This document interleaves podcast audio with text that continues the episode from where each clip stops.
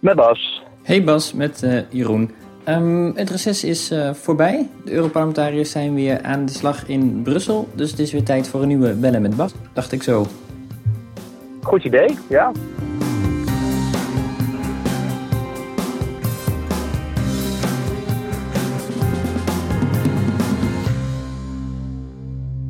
Goeie, goedemorgen. Goedemorgen, inderdaad. Um, eens even kijken. Het belangrijkste nieuws van deze week was natuurlijk dinsdag. De nieuwe Europese Commissie die von der Leyen uh, voorstelde. Um, Ieder land, althans in principe, meestal de laatste vijf jaar was het zo... ieder Europees land mag één eurocommissaris leveren. Uh, ja. Landen kunnen die, die mensen voorstellen, maar het is aan de voorzitter van de Europese Commissie... om daar een portefeuilleverdeling voor te maken. Dus wie krijgt welke onderwerpen. En uh, dat is nou ja. precies wat van der Leyen dinsdag heeft gepresenteerd.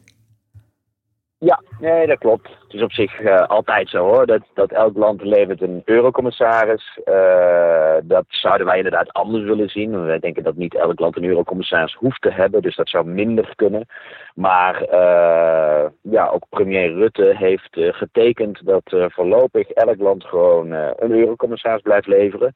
Dus dat wordt een team van, nou ja, waarschijnlijk 27. Hè, we gaan het dit keer misschien niet over de brexit hebben, maar uh, ja, als dat ergens rond 31 oktober niet duidelijk is, zou je nog in een situatie kunnen komen dat de Britten ook nog een eurocommissaris moeten aanleveren om de 28 vol te maken en die dan misschien later weer aftreedt. Nou, ja, ja, we, dat, we, we, dat hebben het er eerder over gehad, hè? zolang de Britten er niet uit zijn, zitten ze echt nog in en moeten ze gewoon met alles meedoen. Hè? Ze leveren Europarlement, ja. Uh, Euro, Europarlementariërs en ze moeten dus in principe ook een eurocommissaris hebben dan. Ja. Ja. Boris Johnson heeft uh, gezegd, dat ga ik niet doen, want ik ga eruit. Dus ik lever er nu niet één aan. Nou, dat kan nu nog. Maar uh, als het nieuwe college aantreedt, en de bedoeling is op 1 november, ja, dan, dan, dan zullen de Britten mee moeten doen. En dan moet er nog op het laatste moment nog een 28e kandidaat uh, ingefietst worden. Dat, dat kunnen we ook nog gaan krijgen, inderdaad. Maar voorlopig Van der Leyen, die het parlement goedgekeurd heeft voor de vakantie. Nou, Van der Leyen heeft de hele vakantie gewerkt om een team samen te stellen. Landen hebben hè, mensen aangeleverd. Een paar landen hebben, zoals gevraagd, twee kandidaten, een man en een vrouw aangeleverd. Uh, maar de meeste landen hebben toch gewoon met eentje gedaan. Maar we hebben wel 13 vrouwen, 14 mannen. Dus nou, dat, dat, dat, dat is bijna de 50% die ze wilden. Uh, en vervolgens moest uh, Van der Leyen daar een team van bouwen. En nou, dat heeft ze dinsdag gepresenteerd. Haar idee van hoe die 27 eurocommissarissen gaan werken. Ja, precies. En wat, wat zijn de, de opvallendste dingen die je daaruit pikt als je dat zo, uh, zo ziet? Ja, ik denk dat het interessantste is natuurlijk altijd eerst even de structuur. Want de voorzitter heeft echt wel een redelijk vrije hand. Hè. Het, het Europese verdrag zegt maar één iets en dat is dat alle eurocommissarissen een stem hebben in het college. Dus het college beslist daar uh, gewoon in met elke commissaris. Maar uh, je kan natuurlijk in die structuur een hele hoop sturen voordat er een stemming in het college komt. En uh, nou, dat heeft Juncker vijf jaar geleden voor de eerste keer echt, echt bewust gedaan. En uh, Van der Leyen voegt daar weer een nieuwe dimensie aan toe. Ik weet niet helemaal of het helderder wordt. je hebt de voorzitter. Dan hebben we nu vanaf nu in het voorstel drie uitvoerende vicevoorzitters. En dan hebben we zes vicevoorzitters. En dan hebben we nog uh, eh, 17 normale eurocommissarissen. Dus je hebt de voorzitter, drie uitvoerend vice, normale vicevoorzitter en normale normale uh, commissarissen. Het, het, ja, het moet nog maar blijken hoe dat gaat uh, uitwerken. Maar ik denk natuurlijk wel het interessant zijn die drie uitvoerende vicevoorzitters. Die natuurlijk alle, de drie politieke partijen vertegenwoordigen. De drie politieke uh, groepen die ook uh, nou ja, ons hebben verblijd met Van der Leyen en nog wat meer namen. Dus dat zijn Christendemocraten, Sociaaldemocraten en Liberalen. Nou, en die drie uitvoerende vicevoorzitters zijn dus een Christendemocraat, een Sociaaldemocraat en een Liberaal. Ja, ja, ze houden zich er netjes aan. En in principe hebben die drie, drie grote posten waar de, de prioriteiten van, van, van der Leyen uit blijken. Ja, precies. En die, die drie prioriteiten. We in die drie gaan dan. Ja, ja precies. Ik, heb, ik heb het lijstje uitgeprint, want de, het, interessante is, daar gaan we het straks wel meer over hebben. De namen ook echt van die prioriteiten, die zijn, die zijn interessant. Um, ja. Misschien wel beginnen met, met de duidelijkste, waar natuurlijk in, in Nederland ook heel veel al uh, in de media is geweest. Frans Timmermans, de sociaaldemocraat, gaat verantwoordelijk worden voor de European Green Deal. Ja. En dat is dan klimaat, in principe. Ja. ja, dat moet natuurlijk nog. Uh, ja, de Green New Deal uh, is natuurlijk een term die, waar de Groenen zelfs al tien jaar geleden mee campagne hebben gevoerd. Dus het is goed dat dat nu ondertussen wordt opgepikt. maar het, het begint ook wel een beetje een containerbegrip te worden waar nu alles in past. Dus nou ja, eigenlijk kun je gewoon zeggen dat Frans Timmermans verantwoordelijkheid wordt voor het duurzaamheidscluster. Dus we hebben wel echt nu uh, duurzaamheid als een van die drie topprioriteiten. Nou ja, daar kunnen we alleen maar blij mee zijn. Uh, Timmermans, als je het hele lijstje kijkt van die 27 eurocommissarissen, maar dan denk ik wel dat er, er zit, ik moet zeggen, veel ambtelijk materiaal tussen. Of oud-eurocommissarissen die er al ruim tien jaar zitten, sommigen. Ex-Europarlementariërs die mij niet altijd zijn opgevallen in het Europees Parlement of zelfs uh, voormalige ambtenaren van de commissie. Dus ja, als ik zo de namen zag binnendruppelen in augustus, werd ik daar niet super enthousiast van. Uh, maar goed, in dat speelveld is Timmermans duidelijk een van de meer pol politiekere zwaargewichten. Uh, dus het is ook logisch dat hij een zware post krijgt en dat, dat hij op duurzaamheid gaat zitten. Ja, dat is gewoon hartstikke goed. Daar kunnen we alleen maar blij om zijn. Alleen, het is, een, het is een hele brede portefeuille. Als je gaat kijken, dan valt klimaat daaronder, uh, biodiversiteit, landbouw, transport, energie, uh, industrie, uh, deels. ja, het is een, een gigantische portefeuille. En het wordt wel een hele klus voor Timmermans om nou ja, allereerst in te vullen wat we bedoelen met die Green New Deal. En ten tweede om dan uh, een aantal commissarissen waar hij dan boven staat, uh, want vanuit de meer conservatieve krachten die er vanuit landbouw, transport, energie zijn, om daar uh, flink bovenop te zitten. En dan heeft hij nog internationale onderhandelingen op biodiversiteit en klimaatverandering te wachten.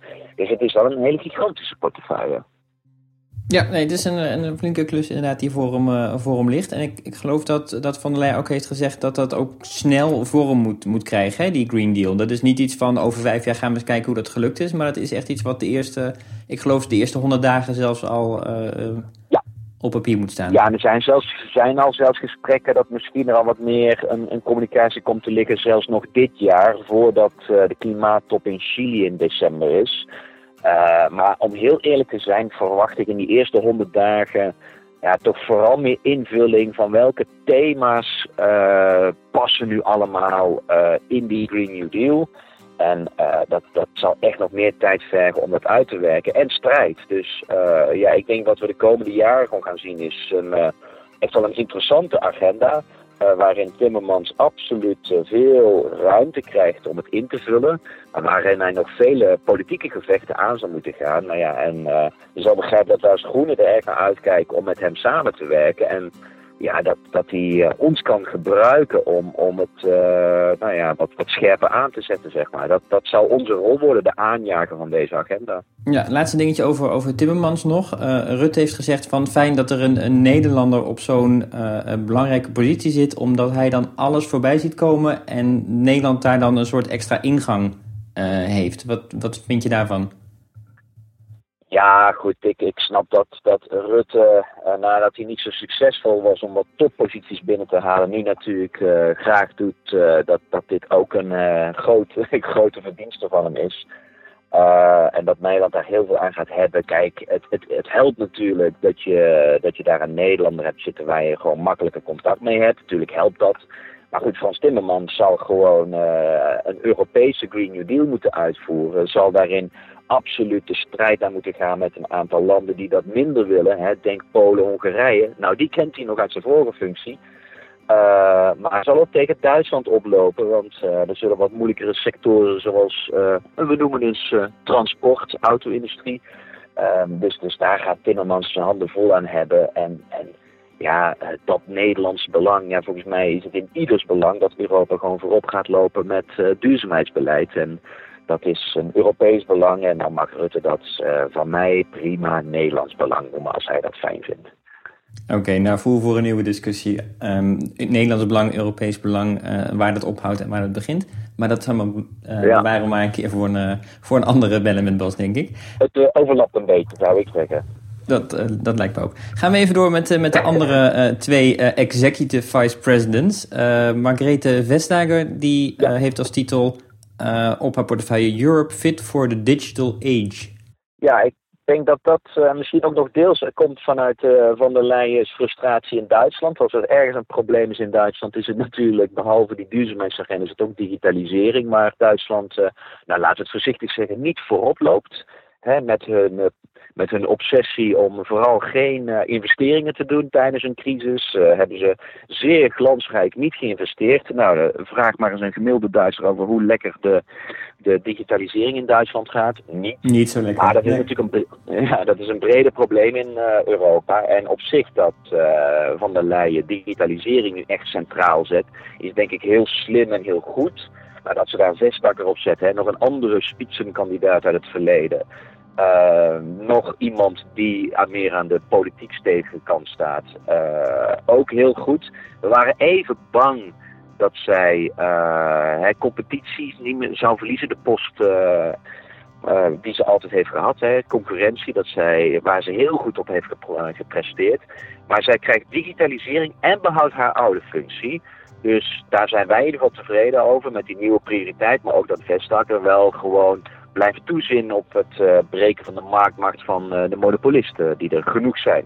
Zeker overigens ook in die digitale sector. Dus dat zal ook nog wel hand in hand komen. Ja, dat komt eigenlijk wel, uh, wel goed uit. Ja, ja prima, prima post ook, absoluut.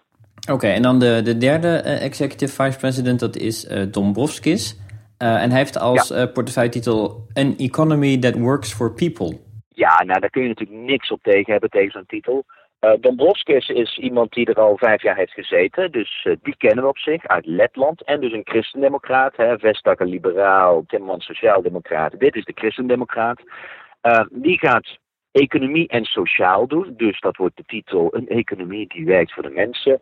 Alsof dat iets nieuws is. Ik dacht altijd dat dat altijd de bedoeling was, maar dat geeft al aan hoe ver we daarvan afgedwaald zijn. dat probeert Van der Leyen in woord weer terug te brengen. Uh, maar um, goed, als ik ga kijken naar de opdracht die hij krijgt, dan zijn er een aantal heldere opdrachten aan de economische kant. Waarbij het interessant wordt overigens dat hij verantwoordelijk wordt voor uh, een duurzaamheidsinvesteringsagenda. Uh, wat natuurlijk heel dicht tegen die Green New Deal aan zit. Klinkt als een Green New Deal, ja precies. Ja, maar dat zit dus niet in Timmermans portefeuille. De investeringsagenda zit in Dombrovskis portefeuille. Uh, daar beginnen de moeilijkheden al, of de onduidelijkheden. Laten we het positief houden voorlopig. Uh, Dombrovskis is, dus is verantwoordelijk voor die duurzaamheidsinvesteringsagenda. Uh, nou, wat gaat dat betekenen? Er wordt een rol gezien voor de Europese investeringsbank. Nou, daar moet nog wel wat veranderen. Dus dat wordt nog een heel debat. En hij is ook voor het sociale verantwoordelijk. Maar ja, dat, dat is toch een beetje onhelder wat dat precies gaat worden. Dus, uh, en in de vorige periode heeft Dombrovskis ook gewoon uh, ja, de euro in zijn verantwoordelijkheid gehad. Ja, ik kan niet zeggen dat Europa de afgelopen vijf jaar met eurobeleid zo sociaal is geweest. Dus ja, laten we zien of uh, Dombrovskis uh, een beetje kan bijleren. Hij heeft de afgelopen vijf jaar wel echt op duurzaamheid stappen gezet. Hij heeft ook initiatieven genomen voor die uh, duurzame financieringsagenda. Dus positief. Maar de sociale kant hebben we nog niet heel veel op kunnen betrappen. Dus nou, dat, dat wordt absoluut wel een van de zaken die wij proberen helderder te krijgen in de komende hoorzittingen.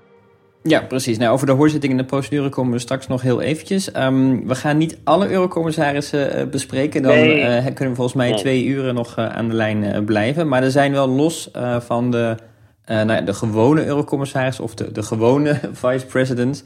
nog een, een, paar die er wel ja. uit, uitspringen. Um, ja. Vooral als we kijken naar de, de Griekse eurocommissaris. Dat is Margaritis Schinas. Schinas. Um, hij was vroeger woordvoerder van de Europese Commissie en heeft nu een soort megapromotie gemaakt en is een van die normale vicepresidenten geworden. Waarbij vooral ja. zijn functieomschrijving heel veel wenkbrauwen deed, uh, deed fronsen. Dat is namelijk Protecting Our ja. European Way of Life. Waaronder dan migratie echt... zou vallen. Ja, Ja, dat, dat was echt, uh, toen ik het uh, dinsdag uh, om 12 uur de persconferentie volgde en meteen de documenten doorliep, was dit wel het eerste waar ik echt over viel. Was, maar sowieso heel raar. Chinas is inderdaad is gewoon een ambtenaar van de Europese Commissie. Hij was wel, hij was wel de leider van de communicatieafdeling van de Commissie. Maar goed, het was een ambtenaar, die is door de Grieken, hè, de Grieken hebben net verkiezingen gehad, christendemocraten, die gaan meteen hun uh, hoge Griekse ambtenaar als, voor, als, commissie, uh, als commissaris voordragen. Vond ik al nou, niet getuige van heel veel uh, originaliteit. Maar vervolgens wordt hij ook nog eens uh, vicepresident. En dat laat wederom zien hoe Van der Leyen echt steeds meer met partijpolitiek bezig is. Dat is echt, daar kunnen we ook nog wel eens een keer over hebben. Dat dat echt, zoals we dat in de raad zagen voor de zomer met al die onderhandelingen. We zien het nu ook in de commissie. Die partijpolitiek wordt steeds belangrijker. En in die zin zie je een steeds verdere nou ja, Europeanisering hè, van, van de politiek gebeuren. Uh, en, en China's is gewoon echt een, een, een christendemocratie democratische partijapparatchiek. En kent echt heel veel mensen in Brussel en, en is echt wel een beetje zo'n zo'n zo'n marspoliticus. En uh, nou ja, dus die wordt ook meteen op een hoge positie gezet. En nou ja, de titel uh, op zich, hè, uh, Protecting Our Way of Life, oké. Maar als je dan kijkt naar wat hij in zijn portefeuille krijgt, wat je al zei, dan is dat migratie, veiligheid en sociaal en onderwijs, educatie. Uh, hallo, is dit dus protecting our way of life? Ja, we hebben een iets ander beeld bij wat wij bedoelen met onze European way of life. Je zou bijna duurzaamheid daarin willen zetten, uh, in plaats van uh, grenzen. en plus, plus zeg maar even, even in, een, in een eigenlijk een kleine bijzin bijna alle mensen met een migratieachtergrond op een andere pad zetten dan een Europese way of life. Uh, ja, heel veel kritiek daarop. En uh, nou ja, Van der Leyen uh, begint al een beetje terug te krabbelen. Dit, dit lijkt mij niet houdbaar als titel. Maar het geeft wel een beetje aan. Hier zit een hele duidelijke christendemocratische invulling achter. Ja, dit is wel waar wij eigenlijk het, het slechtste verwachten van deze Europese Commissie, helaas. Ja, en, en de, de fractievoorzitters hebben al aan Van der Leyen gevraagd om toch even langs te komen en dit nog, uh, nog een keer te, te verhelderen. Uh, dus dat komt sowieso, ja. nog, uh, sowieso nog terug.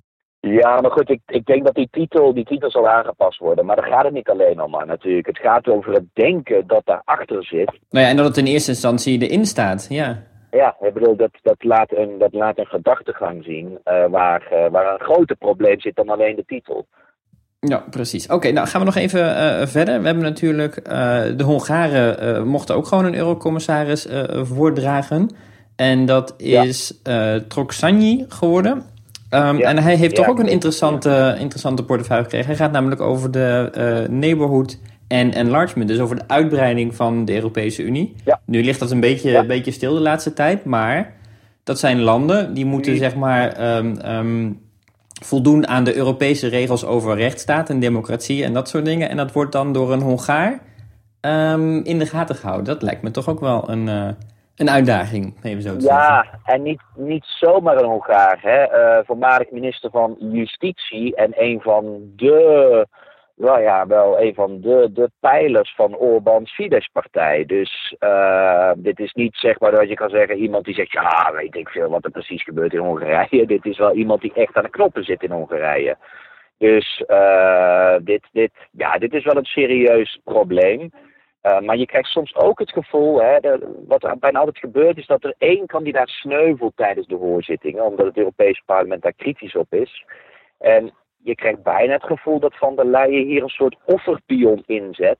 Want als je de missiebrief leest, dan staat er letterlijk dat u bent verantwoordelijk voor het uh, toezien op uh, het naleven van de rechtsstaatregels van de uitbreidende landen. Uh, ja, nou ja, dit, dat is bijna een hele slechte grap, zeg maar. En er gaan al geruchten dat Orbán al weet dat hij naar een nieuwe kandidaat uh, moet zoeken. Dus dat zijn nu nog geruchten, laten we kijken hoe dat gaat. Maar uh, dit zal zeker een kandidaat zijn die uh, hoog op het lijstje staat om uh, het heel moeilijk te gaan krijgen tijdens de hoorzitting. Omdat met deze portefeuille, ja, dat lijkt me niet logisch om dat aan een Fidesz-kandidaat te geven.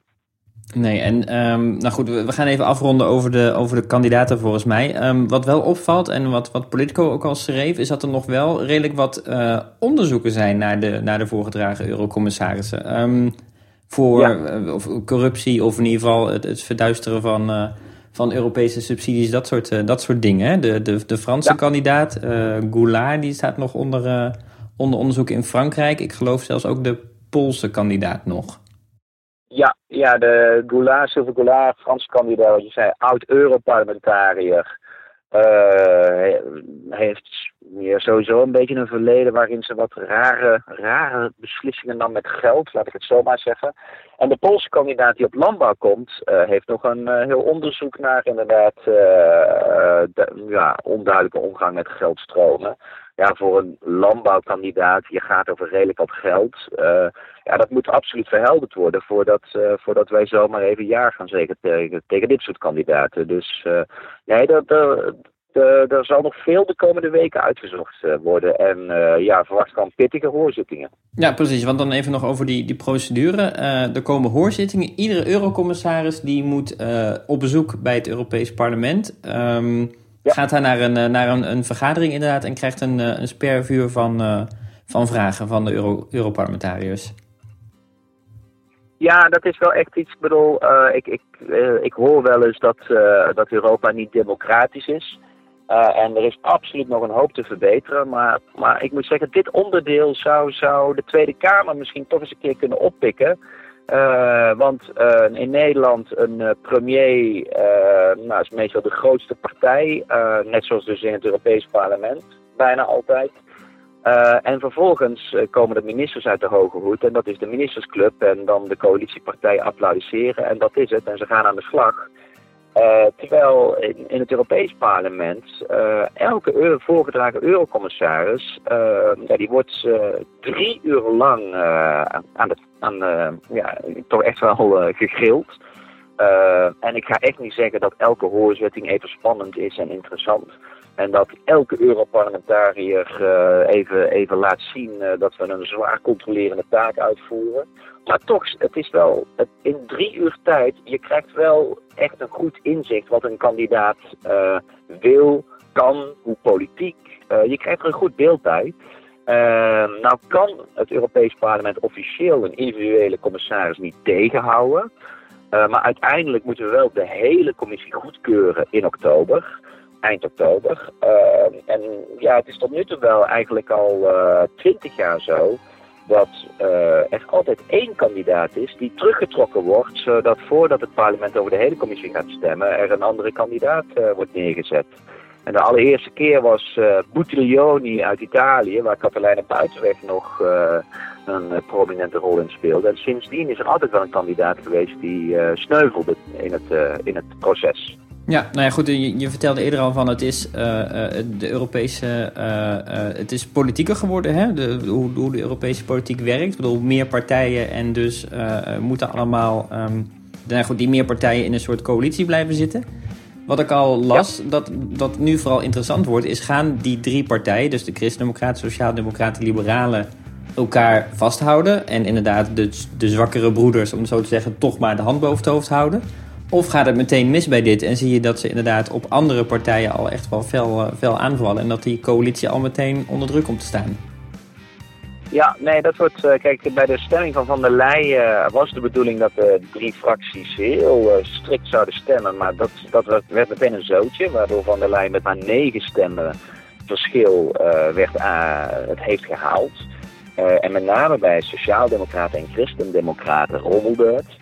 Uh, nou, dat heeft natuurlijk wel zijn sporen nagelaten. Maar bijvoorbeeld de liberalen, die waarschijnlijk, je weet het niet zeker, maar waarschijnlijk het meest eensgezind gestemd hebben op Van der Leyen. Ja, daar zat wel een soort fractiediscipline achter, wat een aantal mensen ook wel wat onprettig heeft uh, gemaakt. Nou ja, dat, we gaan eens zien hoe dat inderdaad in die hoorzittingen gaat. Uh, je hebt natuurlijk een paar kandidaten die niet uit die drie fracties komen. Bijvoorbeeld de Poolse kandidaat. Nou, dat kan interessant worden. Die, dat is per definitie dus wat meer uh, knikkende knieën voor hem. Uh, maar ja, de liberalen hadden een mond vol over, over eerlijke politiek. hoe gaan ze met een Sylvie Goulard uit hun geledingen om? Hè? De Française die we net besproken. hoe gaan de Fidesz-kandidaat behandeld worden? Daar hebben de andere fracties ook wel eens wat problemen mee om dat nou helemaal als onderdeel van de deal te zien. Dus nee, dit, dit wordt wel interessante politiek in nou, met name oktober.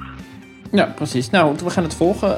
vanaf de, de week van 30 september inderdaad beginnen de eerste, eerste hoorzittingen. En dan gaan we er ongetwijfeld nog verder over, over praten, over wat er, wat er gebeurt daar. Daar ga ik ook zeker van uit. Oké, nou, tot de volgende keer Bas. Bedankt voor je, voor je info. Is goed, tot de volgende keer Jeroen. Doeg. Hoi.